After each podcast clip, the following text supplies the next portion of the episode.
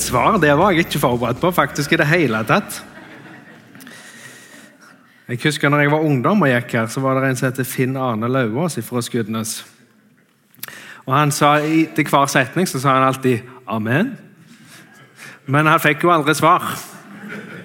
Så han begynte jo å svare sjøl, så han sa 'amen', 'amen'. Og så gikk han videre.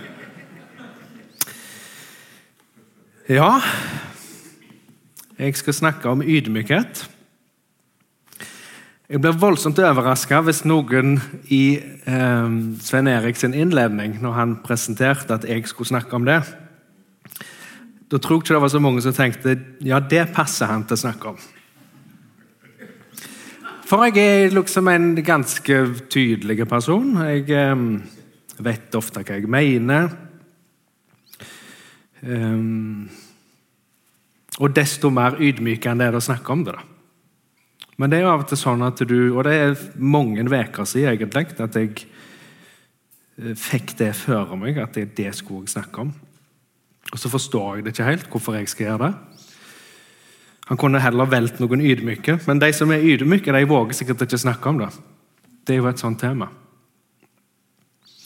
Så det er jo liksom ikke et sånt tema som du snakker om dette, Her har jeg mye å dele, hvordan det er å være ydmyk. Det er liksom eh, ikke sånn det fungerer i det hele tatt. Det er en ting som jeg har tenkt mye på i mange år, og som jeg også har tenkt på i sommer. og det er Hva er det på en måte som hindrer Gud å få sin vilje i meg? Hva er det som gjør at jeg blir så lett på en måte satt? Hvorfor er jeg ikke mer formbar enn jeg er? Og Det er sikkert voldsomt mange grunner til det, da. men eh, jeg tror liksom noe av det som vi skal snakke om i dag, eh, er en del av det, for å si det sånn. Jeg har lyst til å si én ting til før jeg liksom eh, går videre. Det er at det er godt å se dere, og det er godt å være her. vi har jo mista noen i familien vår i sommer. Og det å få se på en måte menighet i aksjon, hvordan på en måte folk bryr seg, og andre Men det er liksom så fint å ha liksom en sånn plass. Det har jeg lyst til å si. Men vi ber litt før vi fortsetter.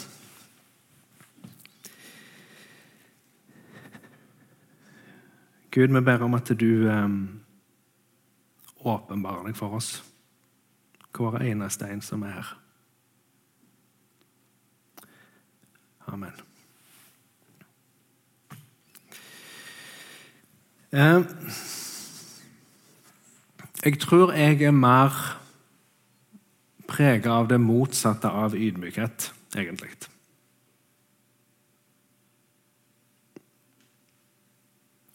Her, liksom her framme står det en person som liker på en måte å framstå bra.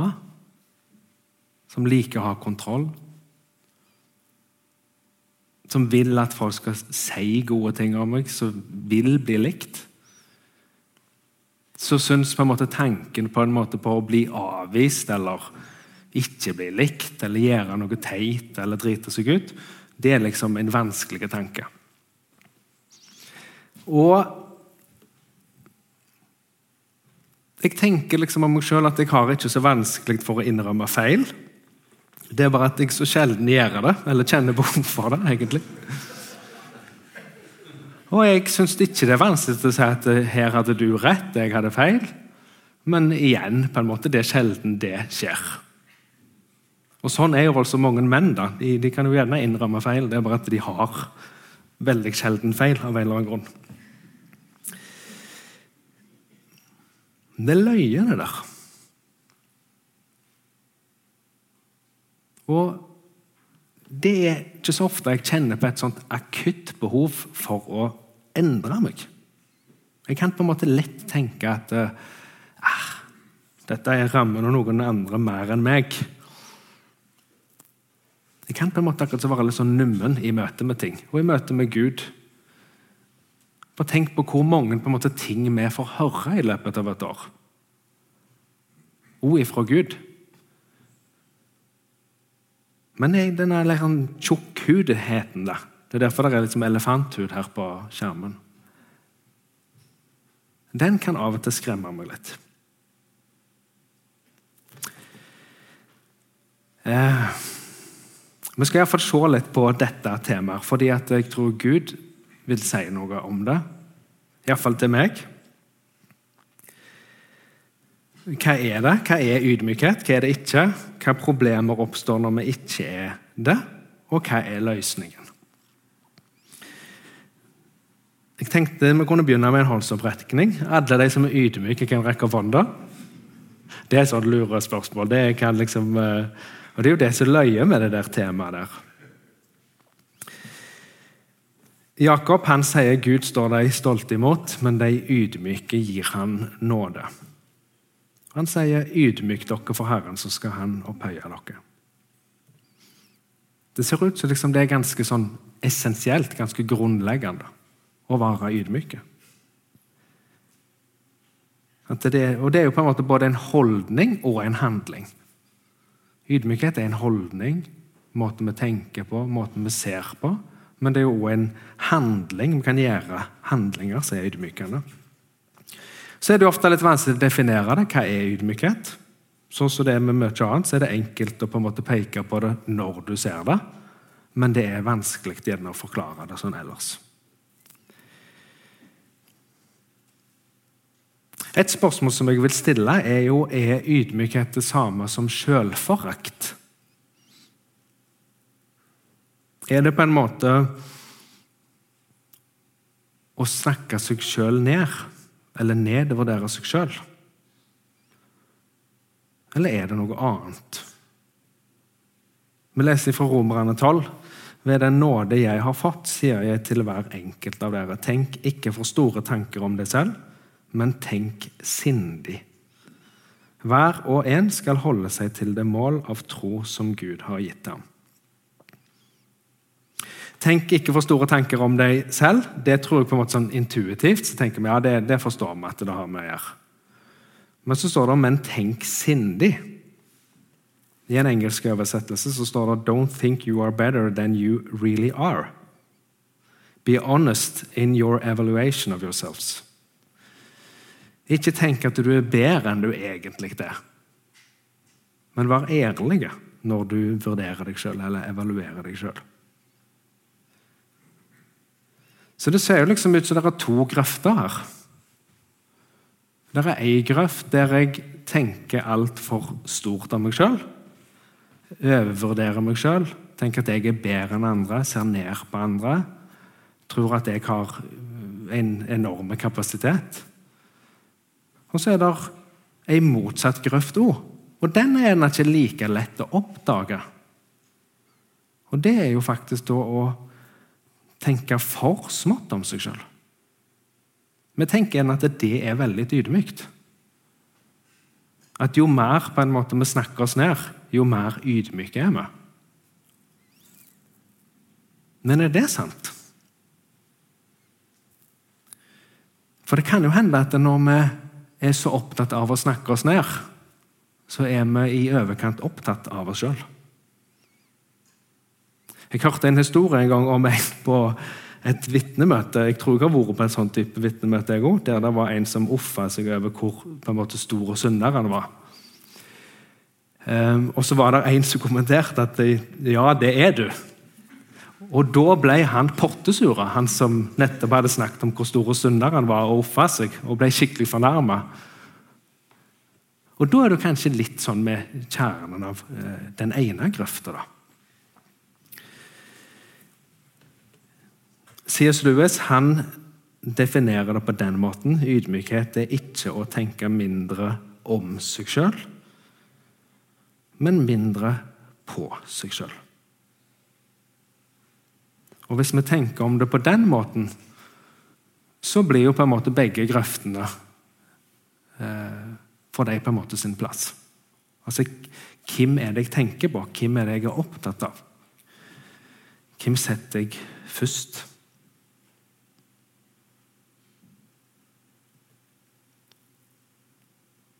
Det påvirker synet på meg sjøl, det påvirker synet på Gud.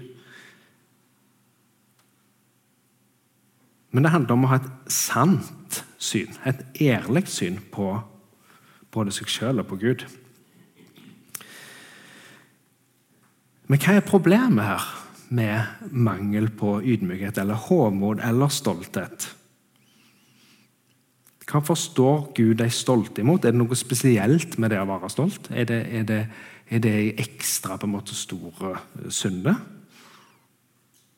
Selvsagt ikke. Men gjerne er det for at uh, Gud på en måte må stå deg stolt imot. Eller Gud har ikke noe annet valg enn å stå deg imot.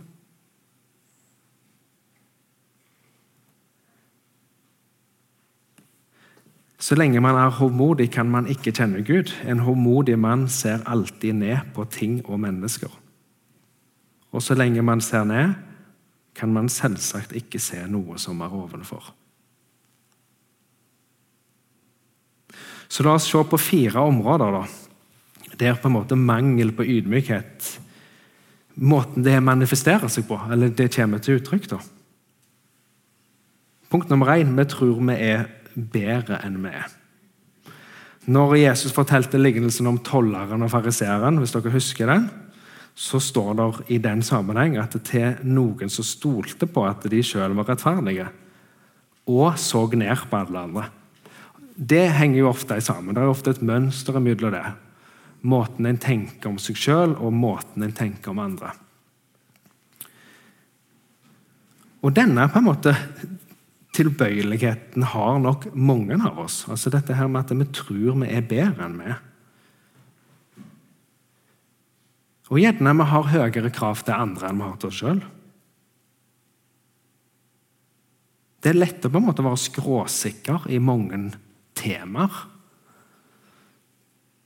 Helt til på en måte det treffer sjøl.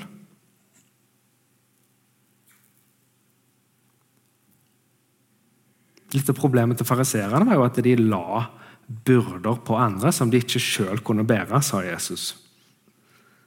Det har jeg av og til tenkt på.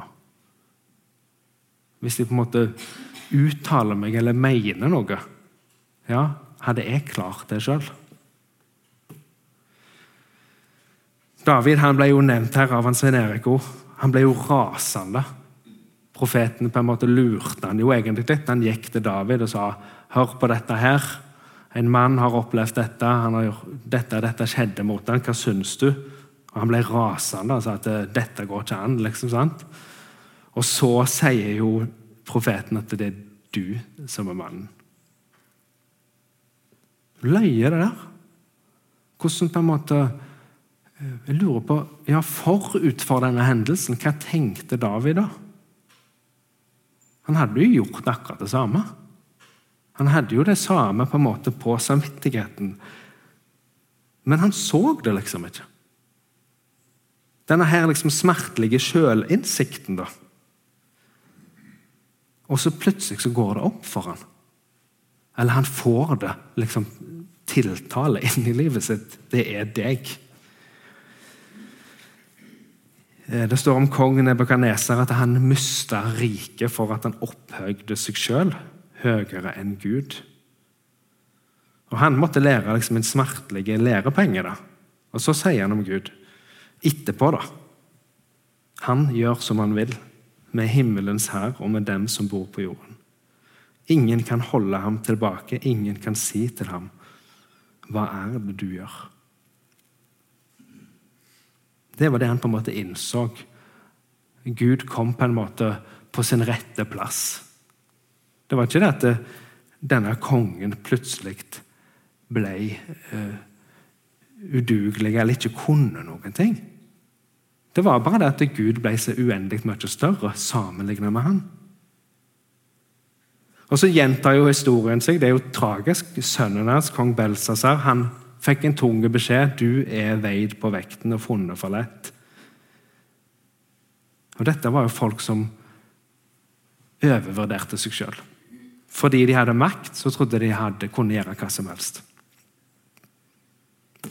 Punkt nummer to, to vi tror vi kan kontrollere framtida og utsette derfor ting. Vi har jo en eh, fascinerende evne til å utsette ting. Jeg har det hver dag på jobb. Altså Ting jeg vet jeg må gjøre. Jeg klarer på en måte å utsette det. Jeg, jeg klarer liksom å heller gjøre noe helt unyttig eh, til fordel for det som jeg burde gjort. Men så er det løye at vi har mange av oss mange sånne 'jeg burde' eller 'jeg skulle vel'. Og så klarer vi likevel å leve med å ikke gjøre noe med det. Jakob Sande han sier i morgen vil jeg begynne på et nytt og bedre liv, tror jeg. En annen Jakob han sier det. Og nå, dere som sier i dag eller i morgen drar vi til den eller den byen og blir der et år, driver handel og tjener penger, og så vet dere ikke engang hvordan livet deres blir i morgen.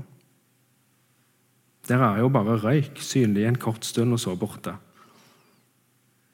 Dere skulle heller si om Herren vil, for vi lever og kan gjøre det ene eller det andre. Men dere skryter og bruker store ord. Alt slikt skryt er av det onde. Den som vet hva godt han burde gjøre, men ikke gjør det, han synder.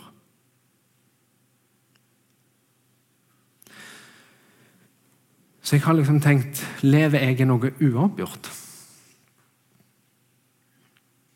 Er det noen jeg burde sagt unnskyld til? Hva med prioriteringene mine? Hva med måten jeg lever livet mitt på?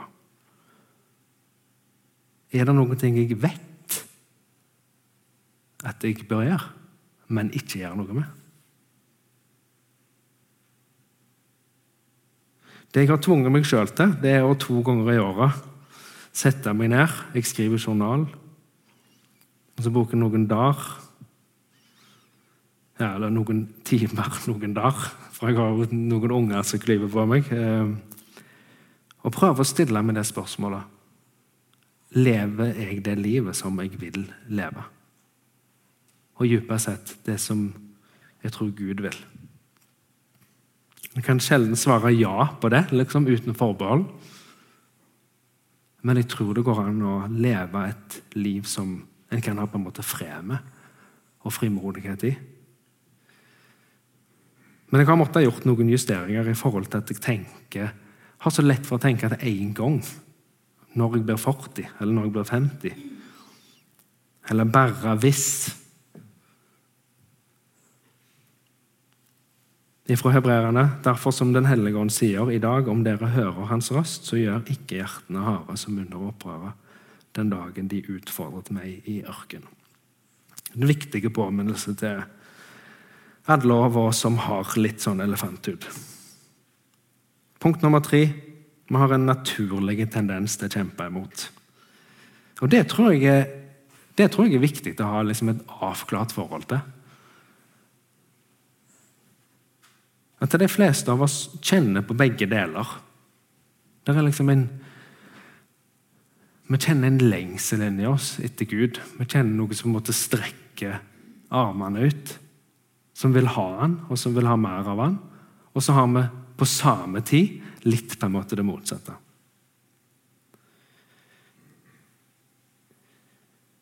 Og det å ha, liksom, eh, være ærlige om det At det der er noe i oss som kjemper imot.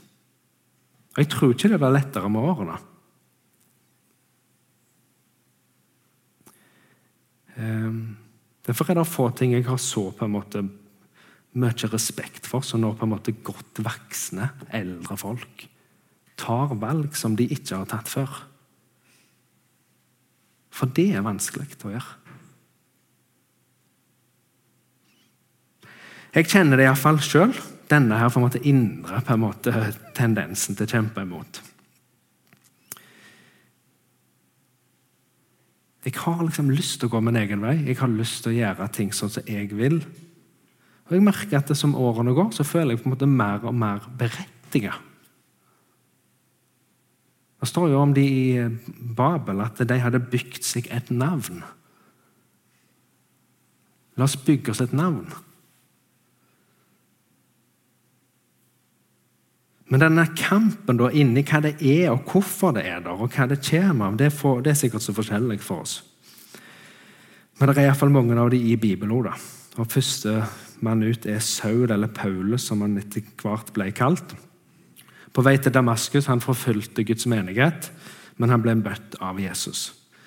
Og Jesus sier til han, Saul, Saul, hvorfor forfølger du meg? Det blir hardt for deg å stampe mot brodden. Jeg syns det er et ganske sånn stilig uttrykk. stampe mot brodden. Det er jo noe som trekkdyr gjør når de liksom kjemper imot. De er liksom sta. De vil ikke la seg på en måte eh, De vil ikke lye. De vil ikke gjøre sånn som de får beskjed om. Og det er nok flere enn Paulus som stamper mot brodden. Den første åpenbaringen er jo når en faktisk innser det, at en gjør det. Det står om Jakob i Gamle testamentet, herifra Hosea. Som voksen kjempet han med Gud, han kjempet med engelen og vant. Han gråt og ba om nåde. Sånn har iallfall jeg i livet mitt kjent det mange ganger. At Gud taler til meg. Han kan jo snakke. Gud er jo mektig. Han er jo ikke en pusling. Han er jo ikke en eh, Han er jo en som har skapt himmel og jord. Så pirker han borti. Han, han utfordrer meg. Han peker på ting. Der kommer lys på ting. Men så er det denne her kjemper liksom imot. Jeg har lyst til å springe vekk, samtidig som jeg har bare lyst til å gi meg liksom over. Punkt fire vi bryr oss mer om hva mennesker syns, enn hva Gud syns. Mennesker vi er jo flokkdyr. Vi trenger hverandre, vi er avhengige av hverandre. Og det er jo noe som er godt. Det har vi jo skapt til. Og så har dette gode, fine, rette samtidig noen sånne utilsikta konsekvenser. Og det er jo at vi syns det er vanskelig å skille oss ut eller gjøre noe annerledes enn de andre. Derfor er det jo ofte det sånn Nesten automatisk uten at vi er klar over det, så vil vi på en måte navigere, velge, snakke, oppføre oss ut ifra helt sånn automatiske ting. Sånn gjør ikke vi, eller det er ingen som gjør det sånn.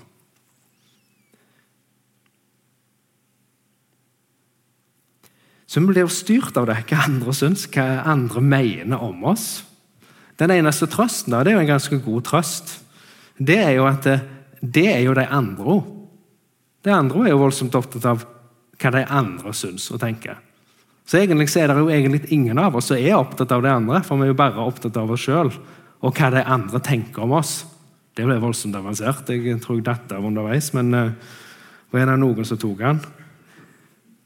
Vi blir liksom bare sånn. Og da er det egentlig ikke For de tenker mest hva du syns om dem. Paulus han er et godt forbilde her. Han sier at det prøver å bli, nå å bli anerkjent av mennesker eller av Gud. Vil jeg bare være mennesker til lags?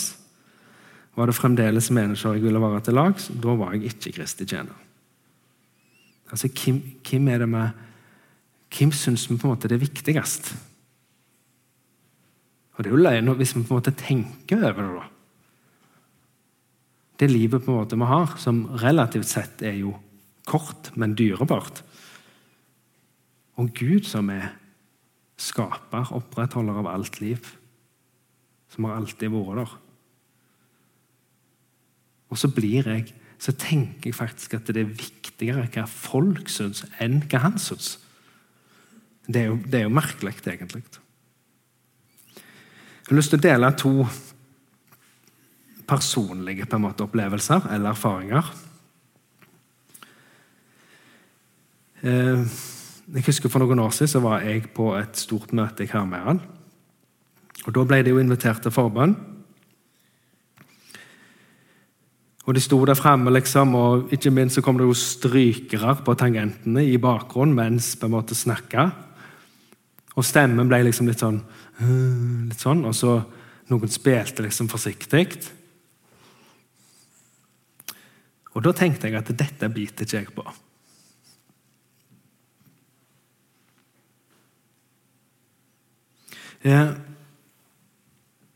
For jeg tenkte liksom, jeg er smartere enn som så, enn at jeg biter på den, disse triksene her. Det som var irriterende og krevende, det var at jeg opplevde det når jeg sto der, på en måte, og jeg, jeg skulle ikke gå der. Um, det var at det ble akkurat så tydelig og klart for meg at Gud ville jeg skulle gjøre det. Nettopp fordi at jeg tenkte at jeg, jeg, jeg biter ikke på dette. Han ville på en måte lære meg noe. Opplevelse nummer to var for et par år siden. Da våkna jeg opp en morgen, en vanlig ukedag, med en tanke om at jeg burde ringe gymnaslæreren min, som jeg hadde for 20 år siden, og be henne om unnskyldning for at jeg var en litt uspiselig 18-åring. Det var ikke noen spesielle hendelser, det var egentlig bare hele sånn som jeg var. Um, og da um, Otto ser for seg alt slags annet hvordan det er. Og jeg var nok sikkert ikke Jeg var, jo ikke et mareritt. Og det begynte jeg å tenke. da. Jeg var jo ikke det. Vi var jo en gjeng som var så, det var jo en kultur i den klassen osv. Mange unnskyldninger for å ikke ta den telefonen. Men så Hvorfor fikk jeg plutselig den ideen da etter 20 år? tenkte jeg jeg følte, bare, jeg følte jeg skulle gjøre det. Uansett hvor teit det var. Og da følte jeg meg dum. Det kan jeg love deg.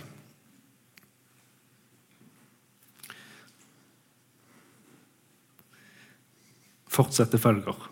Det kommer i neste tale om et år. Skal vi se hvordan det gikk. Nei, det gikk fint, men jeg tror jeg lærte Jeg lærte noe. Jeg hadde ikke noe å unnskylde, viste det seg. Du var jo artig, du, sa hun da. Men um, det var viktig. Og jeg tror det er viktig. Og jeg ser ikke vekk ifra at jeg eller noen andre her må gjøre noe sånt. Noen som bare har lunket der. Langt tilbake i tid. Og da, da, blir vi på en måte litt sånn testa, da, på en måte. Løsningen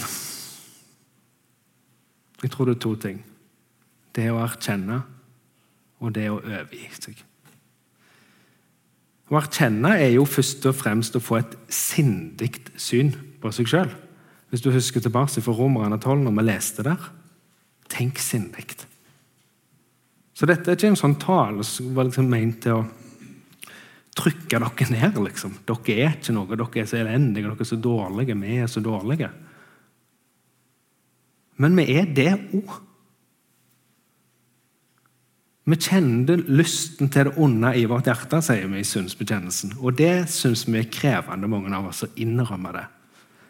Men vi gjør det òg. Så kjenner vi lysten til det gode i vårt hjerte. For vi har fått Den hellige ånd, vi har fått en ny natur. Det er noe her inne som roper 'Abba, far'. Det er noe her som lengter etter å være i Guds nærvær. For å være nærme Gud. Så vi tenker og snakker sindig om oss sjøl. Og det handler om å erkjenne alle sidene av oss. Og Av og til så får vi en sånn brutal sjølinnsikt. Av og til så oppdager vi nye ting med oss sjøl. Til de av dere som skal gifte dere snart. Dere kommer jo til å få oppleve voldsomt mye sjølinnsikt den neste tida. Når dere på en måte innser at eh, Ja, da får dere høre det. Og så får dere unger, og da får du jo liksom enda mer sjølinnsikt. Iallfall jeg, av hvordan sint jeg kan bli, og alt sånt som det. Men det er av og til sånne ting som kommer seilende. Og av og til er vi så heldige at det er noen som våger å si sannheten til oss. Som sier jeg at du Av og til når du snakker, så øh, synes, blir jeg litt redd for å si imot deg.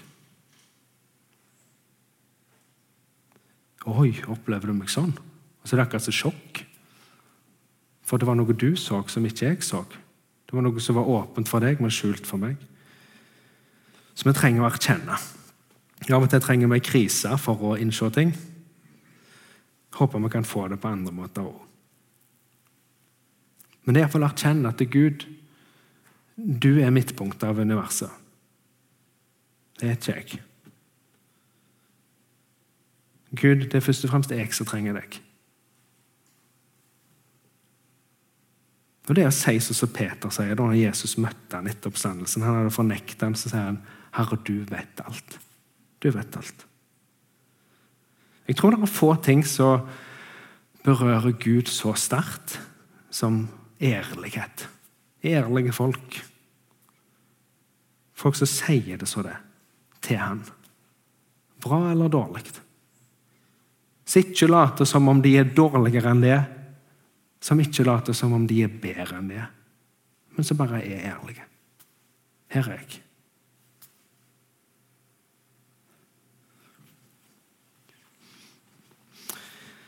Min favorittsalme det er salme 139. Den handler om at Gud er overalt. At uansett hvor jeg er, så er han der. Til og med hvis jeg prøver å flykte ifra han, så er han der òg. Og etter David har malt et sånn mektig bilde av Guds nærvær, da, så ender han på en måte ut i en slags respons og i en bønn. Og Da sier han at det er ransak med Gud, og kjenn mitt hjerte. Prøv meg og kjenn mine tanker. Se om jeg følger avgudas vei, og leder meg på evighetens vei. Ransak meg, Gud.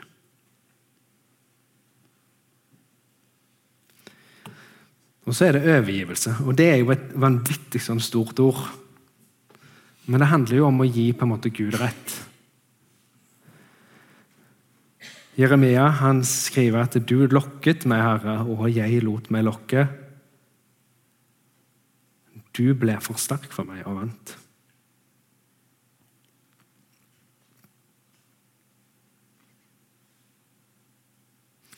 Jeg er sikkert en av de dårligste taperne inni dette rommet. her. Familien min ville nesten ikke spille spill med meg hjemme, for det blir liksom alt annet enn koselig. Jeg syns det er så vanskelig å tape. Jeg vil på en måte alltid vinne. Men med Gud så er det annerledes. Selv om jeg kjemper litt òg, så har jeg tapt for han.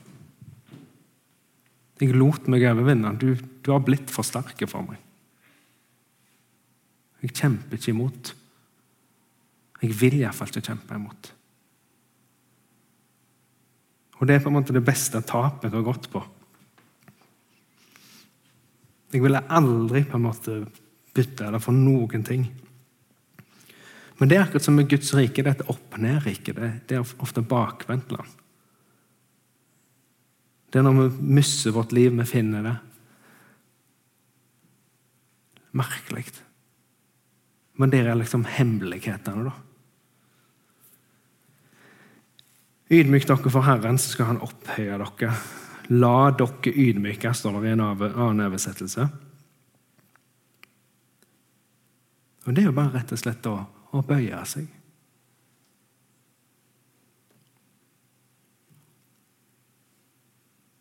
Dere skal finne Gud når dere søker Han av hele deres hjerte og hele deres sjel. Og i Salme 95.: Kom, la oss knele og kaste oss ned, bøye kne, for Herren vår skaper. Mennesket er aldri større enn når det kneler, er det en som sa en gang. Jeg aner jo ikke Jeg kjenner ikke dere. Jeg kjenner jo mange av dere sånn eh, som gode folk. Folk som jeg er glad i. Mye godt å si om dere. Men jeg vet iallfall at vi har alle på en måte våre ting. Vi kjemper alle våre kamper, på en måte. Av og til mot oss sjøl, av og til opp mot et image eller noen idealer. Men i dag, da? Så får vi liksom nok en anledning til å liksom senke garden. Heise det hvite flagget. Og faktisk si, 'Herre, du, jeg er her. Jeg bøyer meg for deg. Og Det kan godt være at det knirker både i noen rygger og i noen på en måte sjølbilder. Når en på en måte bøyer seg. Og det er helt greit. Det kan godt være det stritter litt imot. Det kan godt være det litt vanskelig. Det kan godt være vi ikke har alle svarene på ting. Og når Gud ser her på oss, er her, så har han jo ikke et sånt skjema over hvor mange er det som har gått så og så lenge på bedehus, og hvor mye har du lest i Bibelen. Han ser først og fremst på hjertene. Og hva hjerter som bøyer seg. Og I hans rike så er det sånn at de første skal bli de siste. De minste skal bli de største. Og de som ydmyker seg, skal han opphøye. Er ikke det merkelig? Tenk hvis vi kunne fått liksom, forstått litt mer av det. Og fått erfart mer av det. Skal vi be til slutt?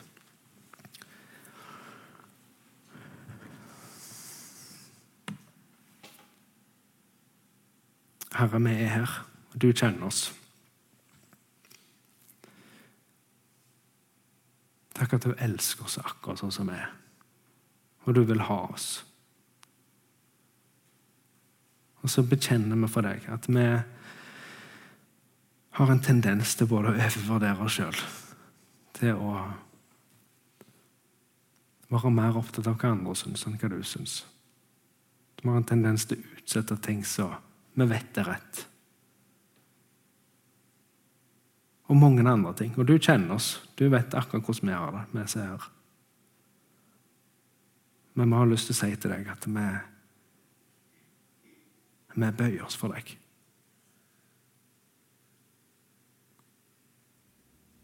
Amen.